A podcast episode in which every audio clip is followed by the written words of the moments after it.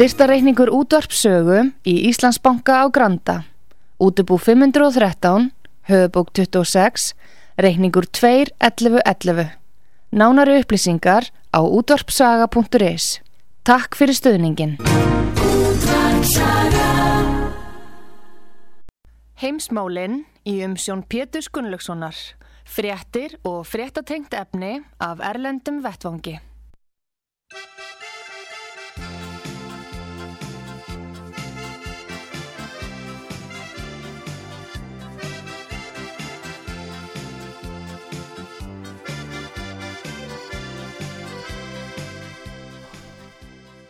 Góðir uh, hlustendur, þið er að hlusta á útvarpsögu. Ég heiti Pétur Gunnlaugsson og ég ætla að ræða við hann Gustaf Skúlason, frettamann útvarpsögu í Svíð og Sæl, Gustaf. Já, konti nú margblessaðu Pétur og hlustendur út af sögu. Nú við ætlum að byrja þáttinn á að uh, heimsækja Svíðjóð, uh, hérna Já. Gustaf, og það er ímislegt að gerast þar í stjórnmálunum og Þarna var kjörinn fyrsta konan í ennbætti fósinsisráðura og það stóði yfir í hvað, sjö klukkutíma?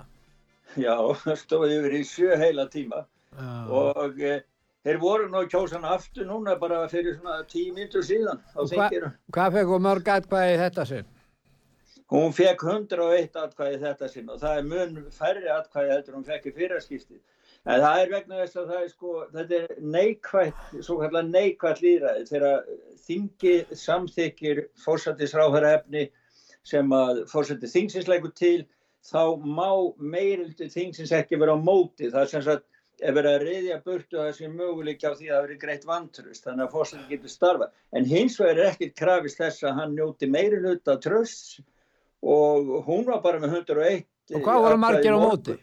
núna? Hvað segir þú? Hvað voru margir á móti núna í setnarskipti? Það voru 173 á mótinni sko. Þannig að sem samþýttuna voru 101, 173 voru ósamálaði. Hefði verið 175, hefði það ekki fælt hana? Já, sko það eru, það eru 350 atkvæði. Já. Og, já, ef þið hefur verið 175 þá hefur fælt hana, það stemmir. Það eru tveir sem hafa svikið, það voru 174 í fyrsta, fyrra skipti. Það er eitt Já. sem hefur...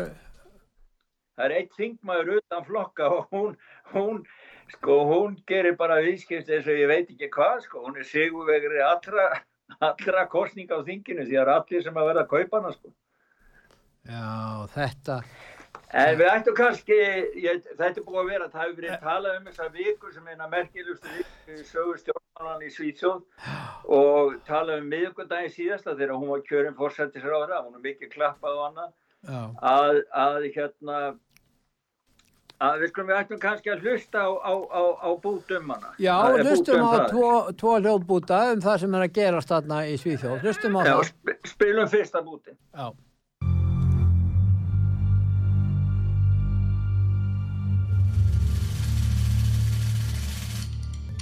Veckan börjar med att Vänsterpartiet till sist fick sin överenskommelse med Socialdemokraterna och Miljöpartiet. Dagen som numera går under namnet Superonsdagen började tidigt med att Centerpartiet kallade till presskonferens före statsministeromröstningen. Ja, varmt välkomna till eh, den här presskonferensen.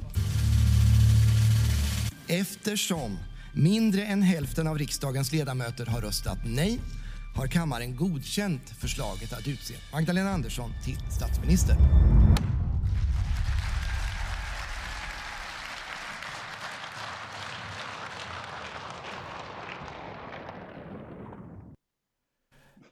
Já, já þingið klappaði, þá var klappað fyrir henni þarna og, og en hún þurfti nú samt að byggast lausnar og vegna þess að umhverfisflokkurinn reytaði stegana út af fjálagafrömmarn.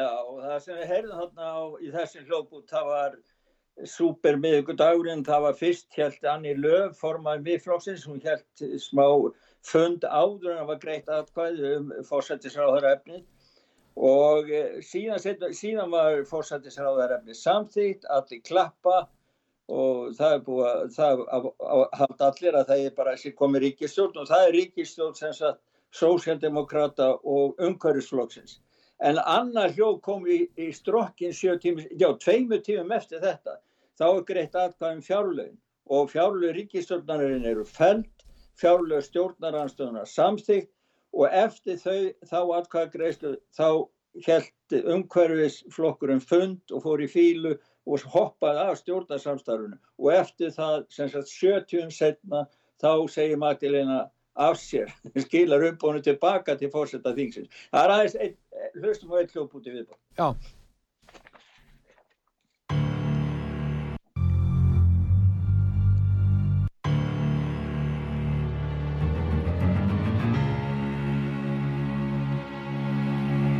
Så kommer vi till finansutskottets betänkande 1, Statens budget 2022, rambeslutet. Kammaren har bifallit utskottets förslag till beslut.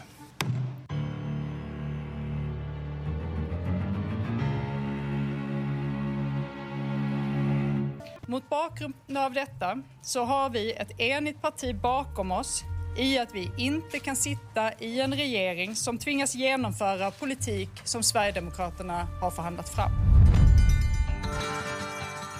Jag har nu träffat talmannen och begärt att få bli entledigad från befattningen som statsminister. Men för en socialdemokratisk enpartiregering.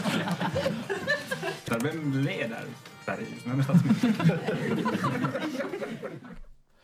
Já, Gustaf, það er selina tvent sem að hérna breytingi, tven, það eru breytingar í fyrsta lagi í þá átt að nú er fjállega frumar stutt af eh, svo í Svíþjóðademokrautum, það það er nýtt og svo Já, núna er komin minnilhutastjórn hérna Magdalenu Andersson, þetta er minnilhutastjórn, það er engöngu held ég kratar í þessari ríkistjórn eða verða, er það ekki rétt? Já, já, það er það eru bara hún, og það er einmitt það sem að hún er að lýsa á þessum fundi þar sem hún var að tilkynna afsögnina að þá hún það að hún stæði samt sem áður fram við að, að að verða fórsættisráðherra og hefði lagt það til við, við fórsætta þingsins að vera það en bara fyrir minnulutastjórn uh, sósjaldemokrata og það útskýri líka þennan mun að það er ekki nema 101 sem að sko það eru miklu fleiri núna, það eru 75 sem löðunir atkvæði núna í dag heldur en síðast þegar hún var valin fyrst, þá voru það bara 54 sko.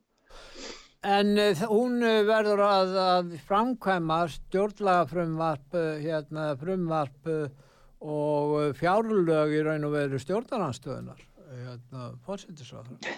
Já, Svíþjóðdemokrata voru náttúrulega ekki seinir til og tóku upp kampanjslöskur, tóku mynd að sér þar sem voru að skála kampanju og svo senduðu sérstak þakkabrið til Anni Löf hjá miðfloknum fyrir að hafa hjálpað þeim að koma sagt síni, sínum fjárlögum að á samt móturötum og kristumokkurötum. En það sem er svo skrítið, það eru sumir sem telja það, hvernig getur hún Magdalena Andersson og sósaldemokratar uh, verið með sem sagt fjárlög sem að þeir Já. til er ekki þeim. Nei, því að það er nú svona sko pólitíska stefnan tekur mynd í fjárlögum. Já, og þá hefur hún komið fram og sagt sko já þetta eru nú bara 20 miljónin sænskar krónar af, af 70 sem að skilur á milli þannig að við getum alveg gert þetta. En hún er gaggrind og sósíaldemokrata er gaggrindi fyrir það. Það skiptir engum máli hvað hver stjórnmálin eru þeir vilja bara, þeir eru límdi í stólana. Þeir, vilja, þeir eru svo valdasjúkir að þeir gera allt bara til að geta setið í stólana en verður þetta ekki mjög erfitt hjá þeim, Gustaf, ég meina, hvaða flokkar að stiga, ætla þeir að leita til umhverjusflokksins og vinstriflokksins eh, í sumum málum og svo til eh, stjórnaranstöðunar og moderata og, og kristilega flokksins í öðrum málum? Eða kannski frjálslindra og, og, og hvað miðflokksins sem er nú svona á svona frekar til vinst Já, það er sko, þetta er ekki fyrsta skipti sem sósaldemokrater verð stjórna með fjárlögum stjórnaranstöðunar. Þetta er í þriðja sinn sem þeir verða að gera. Svo Stefán Löfven, hann þurfti, held ég að byrja á því eða, eða það kom setna, þá þurfti hann allavega tíma á hans ferli var að lei- leiða sagt fjárlög stjórnaranstöðunar. Þannig að, að sko, þetta botnar allt í því að staðan á þinginu, það er pattstaða. Það er bara eitt atkvæði sem skilur að hægri flokkana og þá vinstri. Og það er, það, staðan stjórnmannast ástandi henni síðan hefur markast af því að sósjaldemokrátar hafa verið með svona tröllahönd á smáflokkonum og hrætt á alveg út í hot með svíþjóðdemokrautum. Þannig að þessar hreyfingar sem við sjáum hopp á milli flokkana og milli vinstri blokkarinn og þeirra hægri, það er allt eftir því sem að svíþjóðdemokrater er að vinna stærri grundvöld í stjórnmálunum að verða, að verða hleyft inn. Ég meina þeir eru með 20% kjósenda á bakvísi og það er fyrst núna, mörgum árum eftir eru komin inn á þing sem að þeir eru, sko, það er að byrja að gefa sig að, að fólk er að byrja að viðkenna, já, það eru nú kannski svíjar sem hafa kosið á og við verðum kannski að verða rétt kjósenda. Já, og eh, já, já, þetta kemur þá í dós og við fylgjumst vel með þessu og það verður frólægt að sjá hvort að uh, hvernig þetta gengur hjá Andersson að koma þessu áfram hjá sér.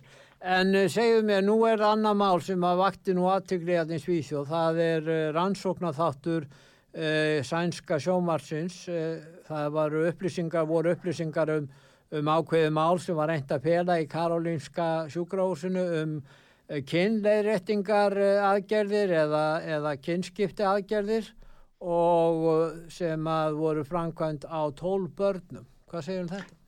Já, það er sko, það, já, jáfnvel aðeins fleirum sko, en það, það er þetta þáttu sem hefur ekki gríðilega eftirtækt hér því að Karolinska stofnuninn sjúkrósið tilkynnti það núna held ég í mæ í vor að þeir ætluð að hætta að veita börnum hormonameðferð og síðan var ekkert sagt neitt meira frá því, það var bara tilkynning nú verið við hættir þessu. En sjónvarpi hérna sænska fór að staða ranska máli og það kemur í ljós sko að það er að að þeir hafa bara hálfpartin eðalagt líf 13 barna. Þeir, þeir, þeir hafa verið með svona, sko, fyrsta með, hluti meðferðarinnar í kynleiritingu er að stöðva gelguskeiði, stöðva kynþroska skeið barnsins. Þannig að, að áður en að barni verið kynþroska þá fer það í hormona meðferð, þannig að, að það getur ekki orðið kynþroska samkvæmt sínum eigin, eigin, eigin líffræðarlega hormónum og venjulegum þróun. Og eftir það þá er sett í gang svona alvöru þá leiðrættingar hormóna meðferð á, á, á annarkort testosterín eða hvað þetta nú heitir allt saman, þessir hormóna sem þið nota í þetta.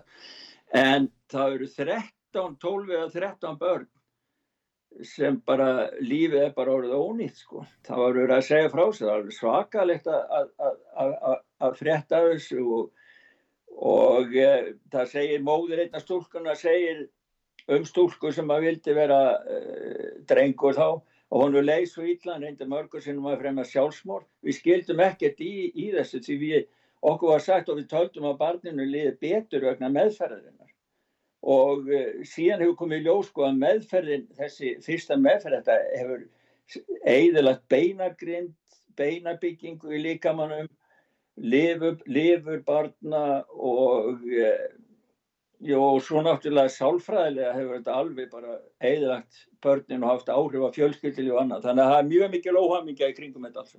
Er enginn sem verður dreginn til ábyrða fyrir þetta? Var eitthvað rætt um það?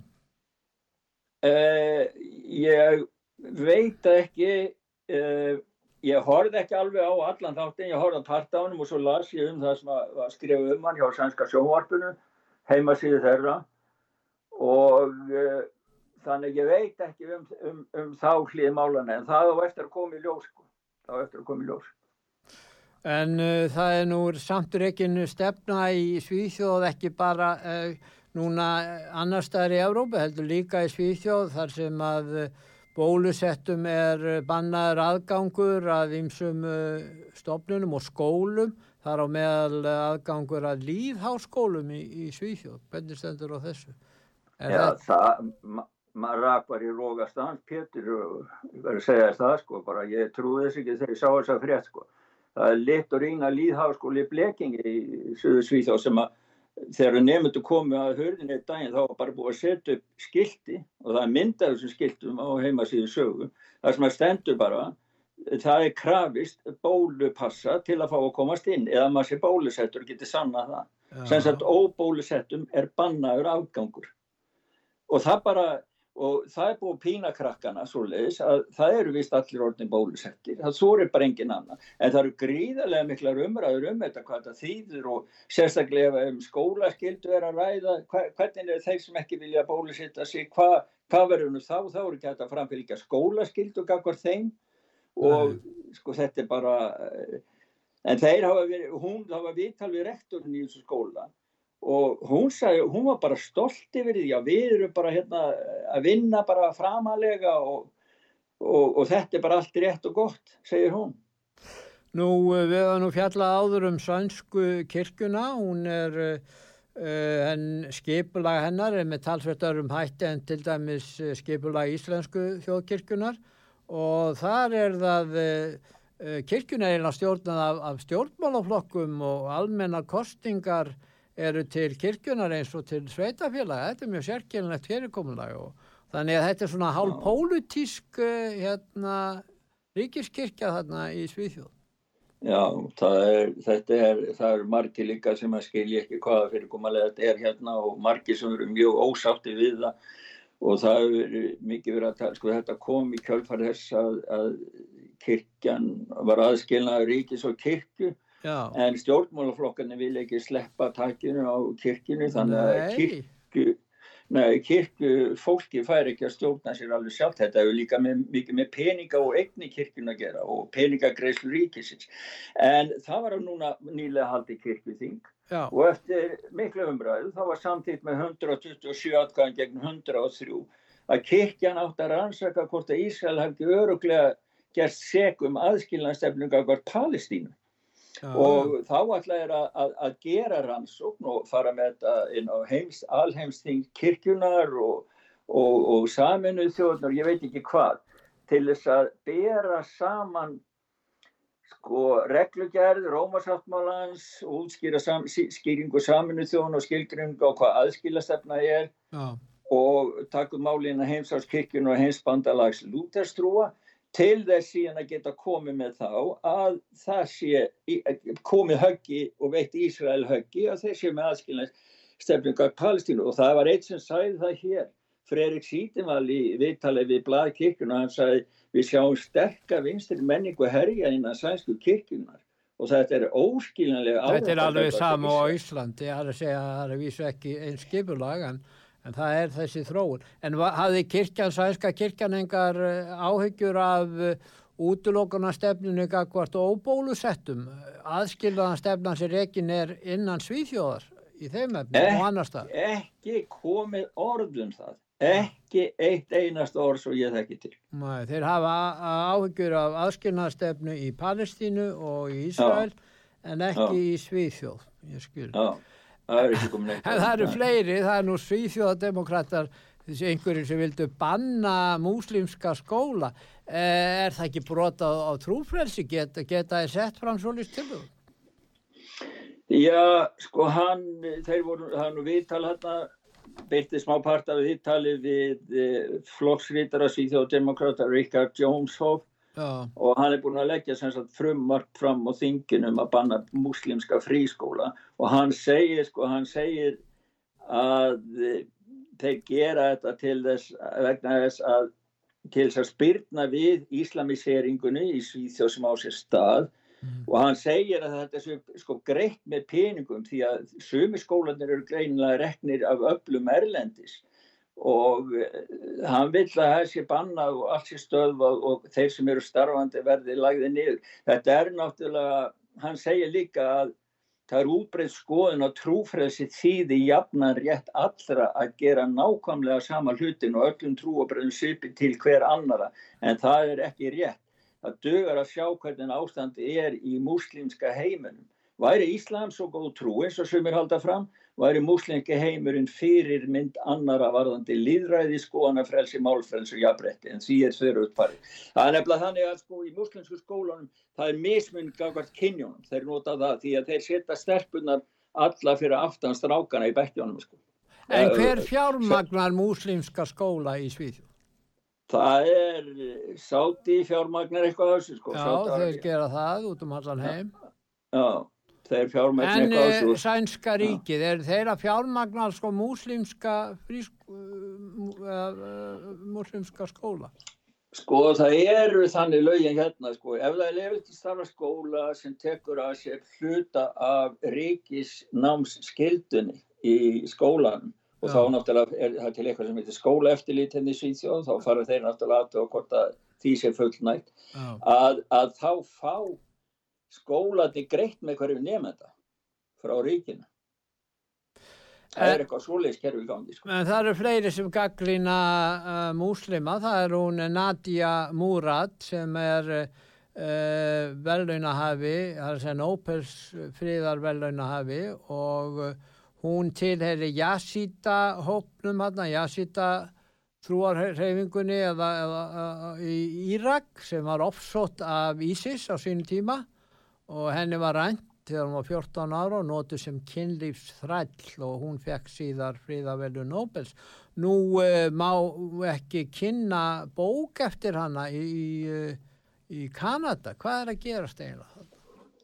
Já, þetta er sko, maður bara veit ekki hvað hann á sér stendu verði. Ég held nú að veðri, ég held nú að Kanada ætti nú að vera svo kallað lí, líraðislegt ríki en, en sko uh, hún, það er skóli hérna í í Toronto í Kanada sem að, sem að það, það var bókaklúpur í skólanu sem að eh, var stopnaður einmitt til þess að bjóða kvennlum, sérstaklega kvennlum rítundu til þess að kynna verksín og Nadja Murad hún er nýbúin að skrifa bók sem heitir Síðasta stúlkan, Saga mín í fangelsi og barátt að gegn Íslamska ríkunu Já. sem fjallar um tíman hjá henni í þessu helviti með, með þessum hryllingstíma. Einhvern veginn tók henni komast til burtu. Henni var rænt þegar hún var bara 14 ára gama, gömul og, og, notur sín kynlistræð og hún er að koma til að kynna þessa bók í klubin þá kemur bara skólastjórnin það er Helen Fisser, eitthvað fórstuðum aðeins skólans sem bannar klubnum að bjóða naziumúrað og veistu hvað ástæðin var? Jú, það er vegna þess að hún gæti kynnt undir Íslamafóbíu með reytun sína og móðga múslinska nefn. En má þá ekki gaggrina Ísis og hriðjuverkamenni Ísis því að það gæti hugsanlega hérna grafið undan virðingu fyrir múslimum almennt. Er þetta að hugsa þannig þá? Já, það er, það er hugsað þannig sko. Það má ekki gaggrina neitt sem Íslamst eða múslimst er Jáfnveil þó að það séu hríðverkamenn, bló, blóðir, sko, morðhundar uh, og slátrarar, bara mannsláttrarar, eins og, eins og Ísis eru. Það greinilega, sko, þetta komið út í svo miklar aukar að, sko, ég get búið þetta sama við, Pétur, að, að sko, það hefur nú verið hér í, í Svítsó uh, nokkur án síðan, það var gömur kona sem lifði af uh, helfuruna og mm. þá spurði einn gagfræðaskóla nei hérna mentaskóla nefndi mig hér hvað gerist þegar sá síðasti eftir lífandi sem komst lífandi frá helfurinni deg, þá er engin eftir sig, sagt frá því beint hvað skeiði því þetta hún hafði heimsátt mentarskóla hérna í Sólenduna og það hafði vakið mikla, hafði mikil áhrif á, á þá. Mér finnst þetta bara að vera það svipað. Svipað eins og að banna fólki að koma og segja frá helfurinni ég, ég sé enga mun á því, ég er svolítið að vera að banna henni að koma að segja frá hennar helfur hjá íslenskum brjálæðingum að það niður frá. Já, já. Mér, mér. Já, þetta er, uh, þetta er uh, hérna ekki, uh, ekki sérstaklega gott fyrir mannriktenda hagsmunni. Hugsaðir hvernig móðgun þetta er fyrir jásítana í Íraka þetta skulle gerast. Þetta er er kona Já. á þeim sem að fær fríðaveldu Nobels uh, afregskona lifir þetta af skilur, og skrifa bækur um þetta og vil uppfræða heiminn um stöðu sína og hvernig farið var með jassítana sem var alveg skelvileg uh, meðferð Já, þá, þá, þá segja er gera er lítið úr hennar og, og þeim Uh, þeim þjáningum sem að og, og þær þjáningar sem að jassítar þurfti að þóla og, og þjóðinn þar í Írak. Og, og síðan er bara bannað að segja frá þessu. Já, er, en það er eitthvað meiri lítið að hjá þessari, akkurat þessari skólastjórn að það fylgdi með þessari frétt að þeir eru brent fimm, sko, þeir stundar bókabrennu líka, sko, það er bara, maður, maður veit ekki bara á hvaða tíma maður lifir, þetta er skólastjórn í, í, í, skóla í Kanada er með bókabrennu, því þá brendu bækur hjá einhverjum barnabækur, 5.000 barnabækur, því það eru taldar móðgandi við uppbrunna fólk. En það er aðtiklisvert að, að Kanadamenn er ekki að banna hérna umhverfis uh, hérna manninum David Suzuki Suzuki hérna sem að er fylgjandi uh, samtökunar Rebellion Extension sem eru svona, já, hálfgerð þriðjverkarsamtök því þau mæla með því ræðu og, og riti að gasleyslu verði sprengtar upp ef að leiðtóar bregðast ekki við lofslagsbreytingunum. Já, það það er fréttum þetta á heimasíðu sögu og þetta er sko til margs um það hvað hva þetta fólk, viss hópur fólks, er eibúin til að fara út í hriðjverku skemmtafir. Það er smá bútur með... Já, við skulum heyra þennan bút núna. Já. With this funeral for the future, Extinction Rebellion Vancouver Island hopes to bring attention to the climate emergency and are calling on the government to act on it now. We're in deep, deep doo-doo, and they've been telling us, the leading experts, for over 40 years. This is what we're come to. The next stage after this is they're going to be pipelines blown up if our leaders don't pay attention to what's going on. Já, þarna heilum við í þessu fólki sem að uh, telur að uh, það megi ganga hansi langt til að ná fram þeim markmiðu sem þeir setja. Já, þetta er, þetta er Já, ég veit ekki hvað maður, á, hvað maður á að segja, þetta er bara stríð og þeir eru að taka sér, þetta eru bara byltingasinnar sko, marxistar.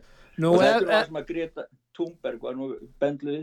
Já, en nú er það þannig að það er komið nýtt afbríð þessar COVID-19 veiru og er kallað Omikron, Omikron, menn veit ekki hvort þetta sé hættulegri, hættulegra afbríði en þau sem eru að, að delta, hættulegra en delta afbríðið eða hvort að hér séum stór hættulegt afbríði og það eru skipta skoðinu allans tveir lakna sem við uh, erum með þarna á websíðinu útvarsaga.is sem að lýsa ólíkum sjónameðum.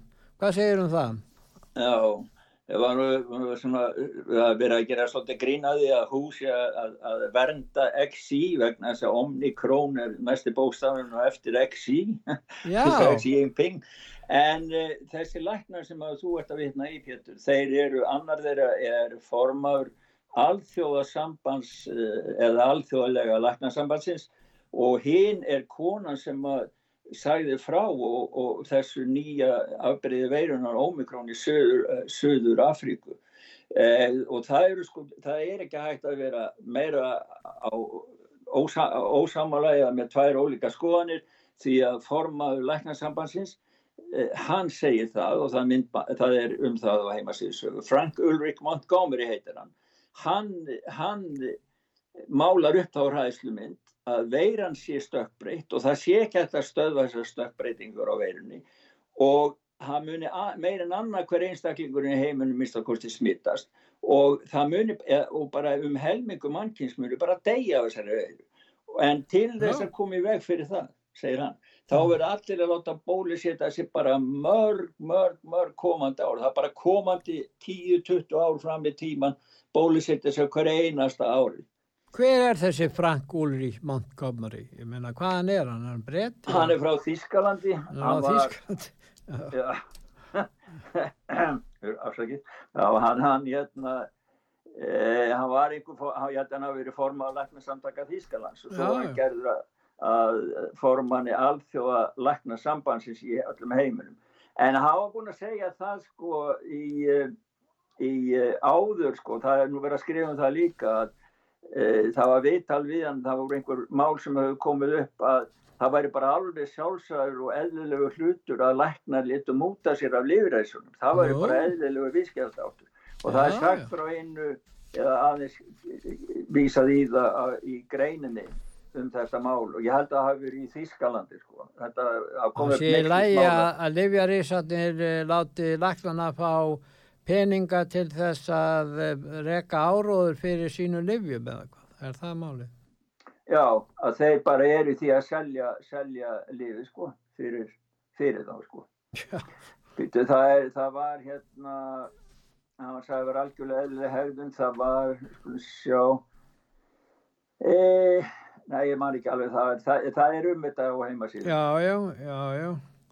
En hérna, en ef við förum til, hérna við skulum hlýða núna á auðvisingar, Gustaf, uh, hlustandi góði þeir að hlusta á útvarpsögu, ég heiti Pétur Gunnlaugsson og ég er að ræða við hann Gustaf Skúlason, uh, frettamann útvarpsögu í Svíþjóð, en við ætlum að fá núna auðvisingar hér og eftir auðvisingar þá höldum við umræðinni áfram. Heimsmálinn í umsjón Pétur Gunnlaugssonar, fréttir og fréttatengt efni af Erlendum Vettvangi.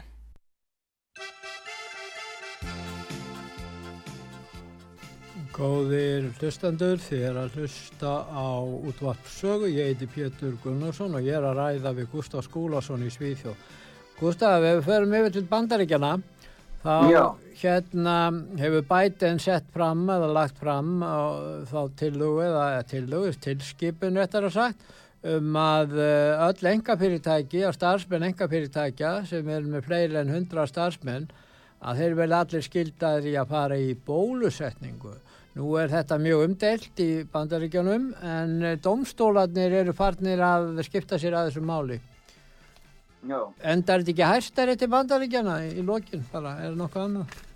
Já, sennilega, það, það lítur að gera það því að hérna eh, hann setti málið eða, eða lögfrænga kvítahús að sendu málið í eh, svo kallan sjötta domstól sem er allríkis domstól og næri yfir þessum fymta dómstóli sem var búin að setja bann á eða leggja þessa fyrirskipun á ís. Ah, Þannig að, að þetta mál fyrir allaveg upp í hæstarétt og ég veit ekki alveg hvernig staðin er núna hvort að sjöttu dómstólinn hafi sift þessu en það var búið að banna sem sagt En það eru mörg fyrirtæki bandaríkjónu sko, það er gríðalegu, hann er búin að kljúpa þjóðina í herða niður með þessari tilskipun. Ég held að séu yfir 11 miljónir mann sko og spurning hvort að fá að vinna, spurning um að missa vinnuna, missa lífsviðuvarið og að, hvað á þá að gera á ríkja að taka alla inn og borga matamiða fyrir alla. Þetta er, þetta er svo vanhugsað og það eru mótmæli, það eru mörg ríki sem að banna til dæmis bæði bólupassa, til dæmis eins og Miami, þeir, þeir, nei, já, já, þeir banna, banna bólupassa og banna þessa fyrirskipun. Er ekki Texas líka? Er ekki Texas líka bannað? Já. já og Texas og það, ég sá að það voru sko, ég held að sé komin á bara hátt í, í tvo tuga fylgja, ég þó ekki vissum það, en það er millir 10 og 20 fylgi sem eru búin að kæra þetta sko. Þannig að bandaríkinn þau, þau loga um þetta sko. En það eru um, um verkalýsfélaginn sem að verja hagsmunni starfsmanna sem vinna til dæmis í bílaframleyslu að þeir, þeir vilja, þeir, þessi verkalýsfélag vilja venda personufrelsi sinna starfsmanna og hafna þvingandi bólusettingar tilskipunum frá bætir. Já og þetta er sko, sko vinnvetendur eiga yfir höfði sér segt alltaf 13.000 dollara fyrir hvert brot eða 136.000 dollara fyrir endur tekinn brot. Og það er sem verkefliðsinn sem tala um að hvað er allar hann bara eiðileggja vískistalífið í bandarækjánu fórsetin sko. Og það er núna sagt, eh, stó, þrýr stórir bílaframlegendur og verkalýsfélagin sem að vinna með þessum bílaframlegendum þeir, hafa, þeir bara settust nýður og, og bara gerðu með sér samkómala og bara hunsa þessa fyrirskipum fórsettans og þeir segjast, virða, þeir, þeir segjast ekki taka til í til þess og ekki fylgja lögbóðunum bólusetningu sem skilir þið til þess að halda störum eins og Kvítahús og Biden fyrirskipa. Heldur segja þér, jú, við ætlum náttúrulega að hvetja alla til að bólusitta sig og hvetja til að grími verið nota og svo framvís, Já. en við virðum rétt einstaklinga til að ákvæða það sjálf, sjálfa og það er enga réttu hvers og eins hvað þeir gefa upp. Og það er eitthvað sem heitir, uh, þetta eru þessi bílaframlegundu stóru, þetta er Ford, General Motors og Stellantis og verkalýsfélagi sem þeir samþett uh, gerður þetta samkónlið heitir UAV Já, United Auto Workers Já, United Auto Workers það, það, það, og þetta er, þetta er ekkert smá verkefni félagar, sko. þeir eru týr ef ekki hundruðu þúsunda starfsmanna þetta eru, þetta eru verkamenn eh, og, og starfsmenn sem hafa ágætt laun í, í, þessum, í þessari bílaframlöslu Já og, já, og svo, svo líka annur hlýða á þessu máli, sko. það er ekki bara óbólusetti sem að að elda og eða líka lífið fyrir og allt það, heldur, heldur muni sko svona aðgerðir. Það smita út frá sér, fyrirtækja hægt að virka, keðjur rofna, framlistu keðjur rofna, þannig að þetta bytnar á öllum, á, í, á, sem sagt að endalókum, þá lendir þetta á öllum öðrum, líka þeim bólusettu. Já, já. Þannig að þetta er svo van, vanhugsaður aðgerðið, þannig að það logar allt og fólk er bara ekkert samálaður þessu.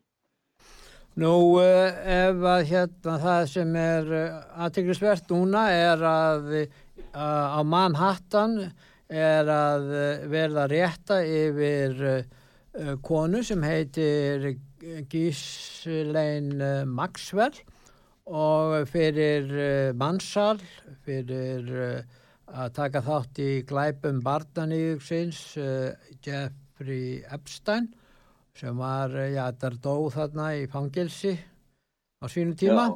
og nú er verið að rétta yfir þessari mannisku. Hún er dóttir uh, Robert Maxwell sem að var uh, frægur breskur fjármálamadur, stjórnmálamadur og eigandi fjölmiðilsins Daily Mirror og hann var í útgáfu líka efnaði maður á sínu tíma eh, allt þar til hann dóð því þá var hann búin að stela svo miklu úr verkasjóðum lífeyri sjóðum verkalýsins að, að, að hann já ég segja hann hafi drepið sig aðri segja hann hafi drepið það hann ekki vitað en ég held að hann hafi verið úrskurða hann hafi fram í sjálfsmórð þegar hann var á snekkjunni sinni, veistu hvað snekkjan heitir?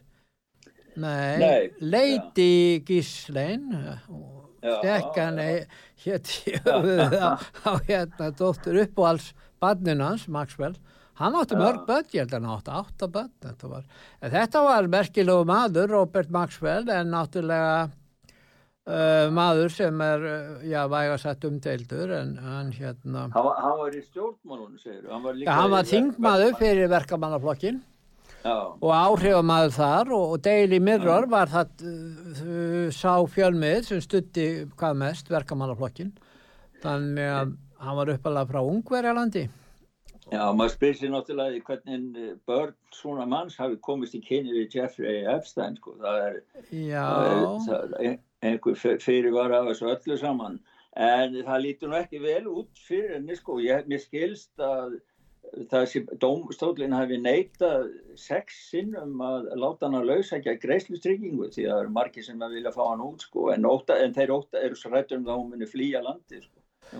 Já, það er maður búastu því en, en það hún er í erfiðri stöðu en uh, það er talið að fórtanlega Webstein sé að minnstakosti 36 sem hafa sko kært, það er náttúrulega miklu fleiri en Já. ábyggilega en hérna en uh, þetta lítur eins og segir ekki verið út hjá henni en, en hvað hún að gera? Ef hún játar, ef hún segir frá þessu að þetta var átt sér stað og nefnir nöfn þar kom einhverju frægir og voldir einstaklingar sem að uh, verða nefndir í réttarhaldinu þá kann það að stefna lífshagsmunum hennar í voða í raun og veru, hugsanlega.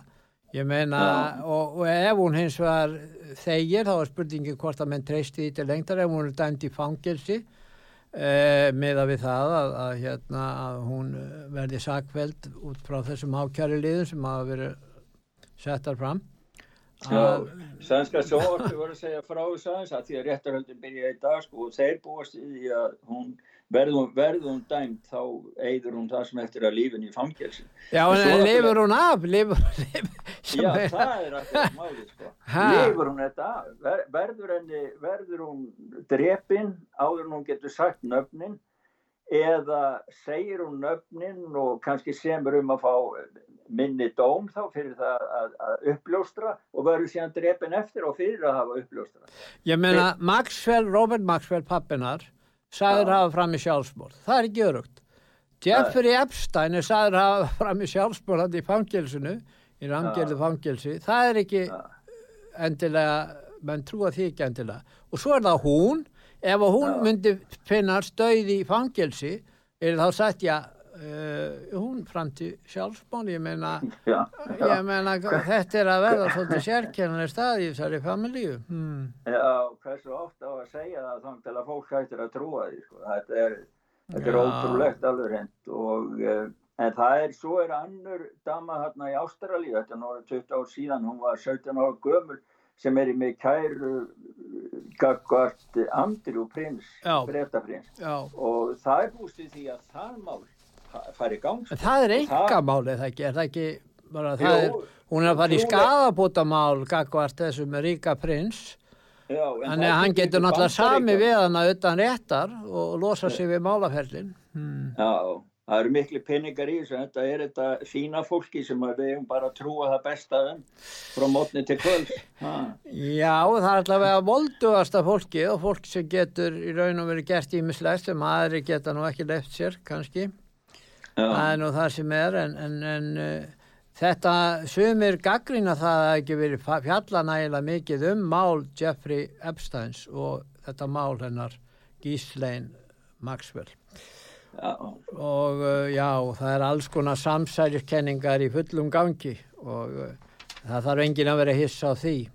Nú ef við förum yfir til Evrópusambansins, nú þá er það hún hérna, hún hérna Úrsula von der Leyen, fórsiti ESB, hún er hérna, hún hefur mikla trú á þessum livjarísum. Ég heldur betur, það var nú, það var nú hérna nýverið verðlaun afhending frá uh, hugveitu sem heitir Atlantic Council og hún tengis NATO og þá var von der Leyen og uh, forstjóra Pfizer Albert Bourla á samt uh, stopnöndum BioNTech þeim Özlem Tursi og Júkur Sæn þeim að veitt heiðursverðlun fyrir framúrskarandi fórusti baráttuna við COVID. Og, og fyrir það að hafa smótað sameilega alþjóða framtíð okkar á heimsvísu. Og það er smá, hún sko ég er bara, ég byrð hlustendur um að hafa smekk eða, eða eitthvað, eitthvað servjettur eða eitthvað nálag því að við ætlum að spila smá hljóp út með sem að hún er að lofa Við forstjóra skulum, Pfizer. við skulum heyri í Úrsulu. A vaccine based on mRNA technology had never been approved before, nor had it been produced on mass scale. But you, Albert, trusted your work, and we trusted each other. And after you developed your vaccine against COVID, you launched mass production immediately without waiting for its approval. A choice that was described as risky, as risky and unorthodox. You chose to put billions of dollars at risk because if you didn't try, the whole world would pay the price. And by doing so, you and your team might have saved millions of lives. Já, Já. hún lítur á að Pfizer sé einhver góðgjörðarsamtök, þetta sé einhvers konar mannúðarsamtök sem er að gera þetta bara af, af góðmennsku og, og ást á mannkininu og, og, og fólk, mannfólki. Hún trúir þessu auðvitað, hún segir að, að hún og þeir eða stjórnmálamenni treysti livjarísanum og livjarísanir treysti þeim. Þetta er svona gagkvæmt tröst, þá má kannski segja að það sé satt í hennar ræðu. Satt. Já, já það, þetta er náttúrulega viðskipti og þau klappa hvort þau eru á bakið og allt það en, en sko tóknin í, í afstöðinu hennar er bara sko hann er bara eins og næstu eins og Guð almáttur, hann er supermaðurinn sem að fórnaði þarna nokkru miljónu dollara í áhættu fyrir að, að bjarga mannkininu, hann er björgunar maður mannkins fórstjóri Pfizer og við, ef að nú þessi maður er svona mikill björgunamaður, ákvörðu þá svona mikið leyndamál með allt sem hann segir og skrifar í sambandi við alla ríkistjórnan heims. Þetta er stórt líðræðislegt vandamál hjá öllum í heiminum að geta ekki vita hva, hvað eru, hvað eru í þessum lífum eða hvað þeir hafa samið um við ríkistjórnennar í heiminum. Já. Og þeir hafa, ákvörðu tekur hann ekki ábyrð á sínu gjörðum þá ef hann er nú svona mikill súpermaður. Nú þetta Atlasafsráð eða Atlantic Council sem veitti fórstjóra Pfizer þessi vellaun að er í raun og veru bandarísk hugveita í alþjóðamálum sem leggur mikla áherslu að ná í samstarf Norður-Ameríku og Evrópu og veitir vellaun álega til þeirra einstaklingar sem lagt hafa sitt að mörgum til verkefnis Atlantic Council til að móta samilega alþjóða framtíð. Akkur eru ból, eru risa hérna livjafyrirtækin tengð þessu starfi, ég skilja ekki. Já, það, það hverju verið að sprauti fólk, nei ég veit Já, það er ekki. hérna John F. Rogers sem er stjórnanfáður Atlantic Council, hann er einnig með í stjórn Goldman Sachs stórbankans. Já, og svo er eh, sko er að líka þessi, er að það líka hjá Goldman Sachs? Já, já, ég segi nú bara ég segi nú bara hérna Gustaf surprise, surprise Já, já, og svo er það ennþá meira surprise, George Soros hann fjármóknar þetta líka. já. Erum við ekki bara alveg bara gasalega býtt á þessum góðgerðarstofnunum, Open Society og þessu. Við hefum ekki talað svona, við verðum sagaður um, um samsæriskenningar ef við verðum að greina frá þessu. Þetta er bara staðreindir sem við verðum að greina frá. Við getum bara haft sérstaklega þakkagjörða þátt til allra góðgerðarstofnuna og bjargvætta mannkins eitt daginn. Ég segi ekki meir. En á sama tíma þetta gerist, ég veit ekki hvort að Atlantic Council eða Atlasásráði skipti sér að því hvaða ES reglur ESB situr um ákveður um fjölgun innflytjanda til inn í sambandið. Hvað segir um þetta? Nú er þeir ákveða nýja reglur og það á að fjölga verulega, það á að opna fyrir uh, innflytjendum, hælisleitendum í, í sko miljónatali á næstu árum. Það er stefna Európa-sambansins. Já, mér finnst þetta að vera svona í, í, frétt sem er í sama stíl og að engi sprettur eiga að koma í veg fyrir lofslagsdómstægin og með því að við farum að borða þær. Því að Já þeir ætla að flytja inn fólk frá þriðja heiminum Já. sem að því þá eiginlega mest frá Afríku Já. og það er krafa um það að þeir ætla að skipta upp að það sé ekki mjög mikið mentað Nei. og þeir, þeir ætla að opna fimm ára passa líka fyrir listamenn og starfsmenn menningamála sem, þannig að geta verið 90 dag á hverju ári í, innan Európa-sambassins fyrir þetta fólk og þeir, veistu hverju rökin eru fyrir þessu? Nei. Jú, rökin eru þau, það verða svo margir gamlir, það vantar vinnuaf, það vantar hæfileikaríkt vinnuaf sem á að búa til svona hæfileikasjó sem að atvinnuleysis, atvinnuumsækjendur og atvinnureikingundur getur farið í til þess að ná í hæfileikafólk. Ég kíkta þess, og það náttúrulega er náttúrulega hvernig, ef maður ætlar að fá fólk með lága mentun, hvernig á það þá að verða mjög hæfileikaríkt, skilur, það, það er svona eitt hlutur í þessu og svo er, er annar hluturinn í þessu að það er að bara 55% fólki með litla mentun innan Európa-sambansins e, á aldrunum 20-64 ára sem hafa atvinna. Og hvernig ná þá þetta fólk sem kemur og kann ekki mála, ekki neitt allt inn á að fá atvinna? Þú þeir að tala um það að allslaust fólk og ómentað frá þriðja heiminum bjargi hakkerfinu í Evrópu. Er það það sem er hugsun? Já, já, já, já, já en þú veist það bara ekki en það er, það er ekki nóg með öll þessi, sko við erum, erum búin að vera að segja fréttir frá þrýstingi yfir Ermasöndi yfir í Breitland, þrýstingi Kvítarúslandi uh, og við, all, alla flottamenni við miðjara hafið og þrýstingin yfir í Európa-sambandi nú ætlar Európa-sambandi samkvæmt þessu að bara opna upp og gátt og fólk að bara fá að koma löglein í sambandi En í þessu samengi þá er rétt að geta þess, Gustaf að Já. Eh, nú er hérna búið ákveða það að vinstri grænir fá félagsmála ráðnitið og Guðmundur Guðbrandsson verður félagsmála ráðherra, hann var áður umhverfisráðherra, hann er varaformaður vinstri reyfingarinn að græns frambóðs en uh, þeir hafa stefnusgrásinni og nú á að flytja máluflokkin um hælisleitendur og útleitingamál til félagsmála ráðsins, til Guðmundar Þannig að hann mun, hann mun sjá um þau mál en á stefnu Vafki kemur fram að þeir vilja að fólk utan euróska efnaðsvæðisins njóti sömu réttarstöðu eins og þeir sem eru innan euróska efnaðsvæðisins. Og það þýðir það þegar að fólki streymir hinga hvaðan sem er frá þriðja heiminum utan euróska efnaðsvæðisins þá er þeir að fá sömu réttindi og hlunindi og réttastöðu eins og þeir sem eru á öðruska efnansvæðinu. Það er að segja þeir geta gengið inn í velferðarkerfið eins og, eins og aðlars, eins og pólverjar sem koma hingað og aðrir. Já, nú fyrir maður að skilja okkur þeir vilja komast í peningalífur í sjóðan. Já, já, já, en þetta náttúrulega, sko, við, ef þetta, þetta er nú ganga eftir núna, það virðist vera þannig að hinn í flokkarnir, bæði fransunarflokkurinn og sjálfstæðisflokkurinn, er alveg búin að ákveða það að gefast, eða þeir hafi kannski ekki haft neina stefni í þessu máli, en þeir hljóta að gera sér grein fyrir því hvað þetta þýðir.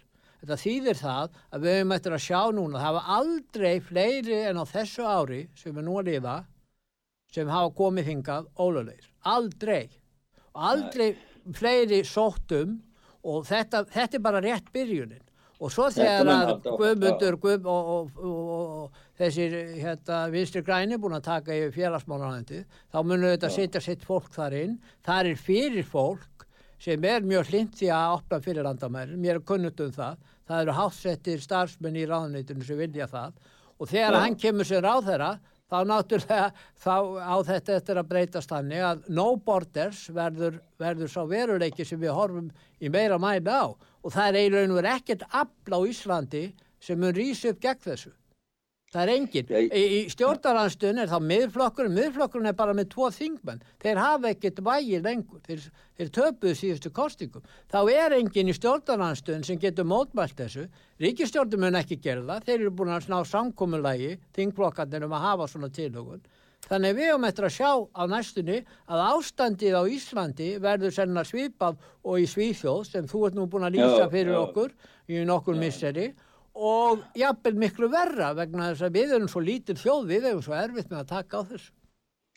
Ég finnst nú bara að, að, að það ætti að setja lögum það að útvarp saga er því bara í bein streymi hjá á, í öllum ráðneitum allan daginn, svo þeir getur nú aðeins fengið smá fréttir af því hvað, hvernig það sem þeir eru að gera bytnar á venjulegu fólki sko. En nú eh, fer nú að líða þetta, við ætlum að spila lægi hérna Max, Maxwell's Silver Hammer hérna með Beatlónum sem kom út hvað 69 held ég. Og uh, það fjallar að vísu ekki um Robin Maxwell en fjallar um annan mann sem var svona vafasamur. En hérna en það var flónið að hlusta á lægið en við, við það við getum bent á nokkur atrið í lokin, það er auðvitað nú að fara heimila lögleiðingu kannabis í Þískalandi til dæmis, við sjáum það nýja ríkistjórnin nú það er efsivert aðtæfi núna verður 1. februar í Östuríki og, og þá vil að menna borga 750 skrona sekt ef menn neyta að láta bólusetja sig og svo er það náttúrulega það sem er að gerast með knarspundamennin og íþróttamennin að eins og kom fram á, á síðunni út af saga.is hjá okkur það sem að vísað er í þýst blad það sem er, rak, er, eru rækin uh, nöpp þeirra sem hafa orðið fyrir hjartaáfalli og eru í íþróttum 75, ég taldi sko, ég taldi á ekki þegar ég var að skrifa þetta en, en ég taldi á eftir og það eru 75 íþróttamenn, alveg nýri 14 ára aldur sko, sem hafa bara hrunið í hjartastoppi, hjartáfalli, sumir hafa dáið. Það er ekki ljóst með bólusetningastöðun á þeim öllum en, en margir hafa voru bólusettir, fullu bólusettir sem hafa jafnvel dáið og það sem var, var núna sagt frá John Fleck því að það er knastbyrnum maður, hann var miðframherri hjá Sheffield United, bara 30 á gaman og eh, hann er annar núna á stuttum tíma sem er bara borin út af vellinum í, í hjartáfalli og þeir eru að krefast þess núna að það veri gerð rannsókn á þessu. Og þessi, það eru margi listar í gangi og það er alltaf að bæta sinna af listan og þetta eru fimm sinnum fleiri íþróttamenn sem deyja bara núni ár miða við já, síðustu 20 ár. Þannig eitthvað er þetta Já, það er aðtiklisvert líka sem kemur fram í eftirleitt skíslu helbriðis uh, öryggistofnunar Breitlands í sambandi við það eru 81% sem deyja úr COVID-19 eru fullbólusettir en engöngu 19% sem deyja eru hérna óbólusettir. og þetta eru, já, yfirleitt yfir síðustu hvað, fjóra mánuði eitthvað svolítið Já, þetta er síðan, ég held að það séu fjóra vikur, þetta er síðan frá, uh, svona sjá, stendur hérna 25. oktober til 21. november, þetta eru bara fjóra vikur. Já, þetta er altså uh, nákvæmlega törn, það er hins vegar talsett fleiri óbólusettir hlutfarslega sem fara á sjúgróðus, en dánatörlunar eru þessar yfir þetta tímabill. Já, er, þannig að það er ekki alltaf að segja það og svo segja það að, að, óbólusetti séu neitt betur varðir heldur en, nei að bólusetti séu neitt betur varðir heldur en þeir eru óbólusetti. Ekki miða við þessa skíslu. Nei, og svo var ég að sjá það að smittsjúkdómastofnunin í bandarækjum, hún var að gera rannsók sem sýnir það að það er engin munur á smitti. Það er nákvæmlega jafn mikil smitthætta frá bólusettum eins og óbólusettum. Þannig að allt þetta kæftæði og allar þessi aðskilna stefna, það hefur eitthvað allt annað á baki sér heldur en, heldur en uh, að berja skjá COVID. Eitt er að, að innleiða aðskilnaðarstefnu sem er náttúrulega gravalvegt mál en sérstaklega gravalvegt þegar að innleiðing á aðskilnaðarstefnu er byggð á raungum upplýsingum. Já, al, já hvað? Alveg sko og að þeir skuli halda þessu áfram að þeir skuli ekki hleypa að, að, að þegar að það er allan tíma að koma fram meiri staðrindir um málið.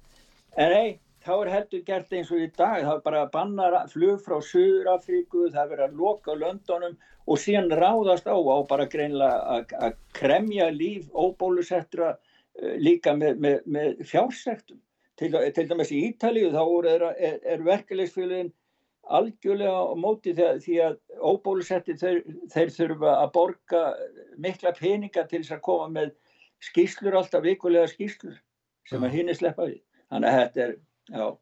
En við skulum hlusta á býtlan að ljúka þessu núna þakka þið fyrir Gustaf og hlustum á býtlalægið Maxwell Silverhammer sem var kom út 1969 Það verður mjög mikið hamrað á Maxwell Late